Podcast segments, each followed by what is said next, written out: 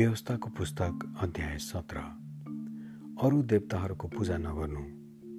तिमीहरूले परमप्रभु तिमीहरूका परमेश्वरको निम्ति कुनै खोट अथवा दाग लागेको गोरु अथवा भेडा बलि नगर्नु।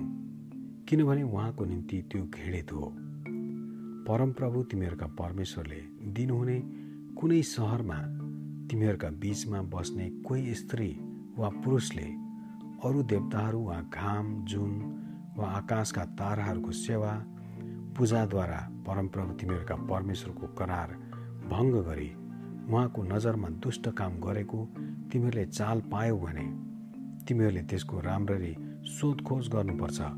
यदि त्यो सत्य रहेछ र यस्तो घृणित काम इजरायलमा भएकै रहेछ यस्तो दुष्ट काम गर्ने पुरुष वा स्त्रीलाई सहरको मूल ढोकामा ल्याई ढुङ्गाले हानेर मार्नु। मारिने व्यक्तिलाई दुई वा तिन साक्षीको गवाईमा मात्रै मार्नु। एउटै साक्षीको गवाईमा कसैले नमार्नु। त्यसलाई मार्न साक्षीहरूले नै सबैभन्दा पहिले हात उठाउन्। त्यसपछि अरू मानिसहरूले हात उठाउन्।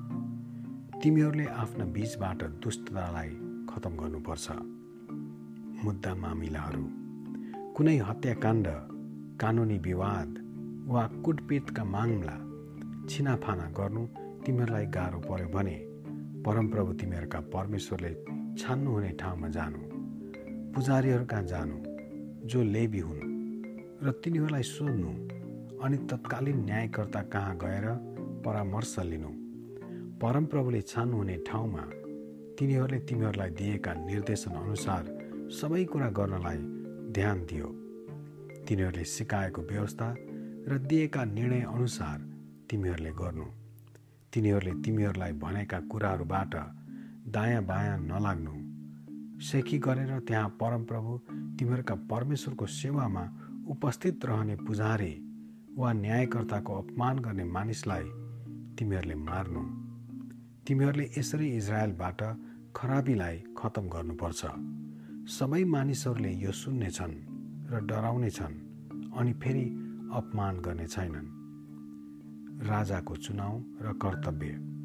परमप्रभु तिमीहरूका परमेश्वरले दिनुहुने देशमा पुगेर त्यो अधिकार गरी त्यहाँ बसोबास गर्न लागेपछि हाम्रा वरिपरिका सबै जातिहरूले गरे चाहिँ हामी पनि हामीमाथि एउटा राजा नियुक्त गरौँ भनी भन्यौ भने परमप्रभु तिमीहरूका परमेश्वरले छान्नु भएको व्यक्तिलाई नै तिमीहरूले निश्चय गरेर आफ्ना राजा मान्नु। तिनी तिमीहरूका दाजुभाइहरूमध्येबाट एकजना हुनुपर्छ। एउटा विदेशीलाई तिमीहरूमाथि नखटाउनु जो चाहिँ एउटा इजरायली भाइ होइन ती राजाले असङ्ख्य घोडाहरू नबटुलुन् वा अझ धेरै घोडाहरू ल्याउनलाई मानिसहरूलाई मिश्रमा फर्कन नलाउन्। किनभने त्यो बाटो फेरि फर्केर नजानु भनी परमप्रभुले तिमीहरूलाई भन्नुभएको छ। तिनले आफ्नो मार लागि धेरै पत्नीहरू जम्मा नगरून्। नत्र त तिनको मन बरालिनेछ तिनले आफ्ना निम्ति सुन चाँदीको थुप्रो पनि नलगाउन्।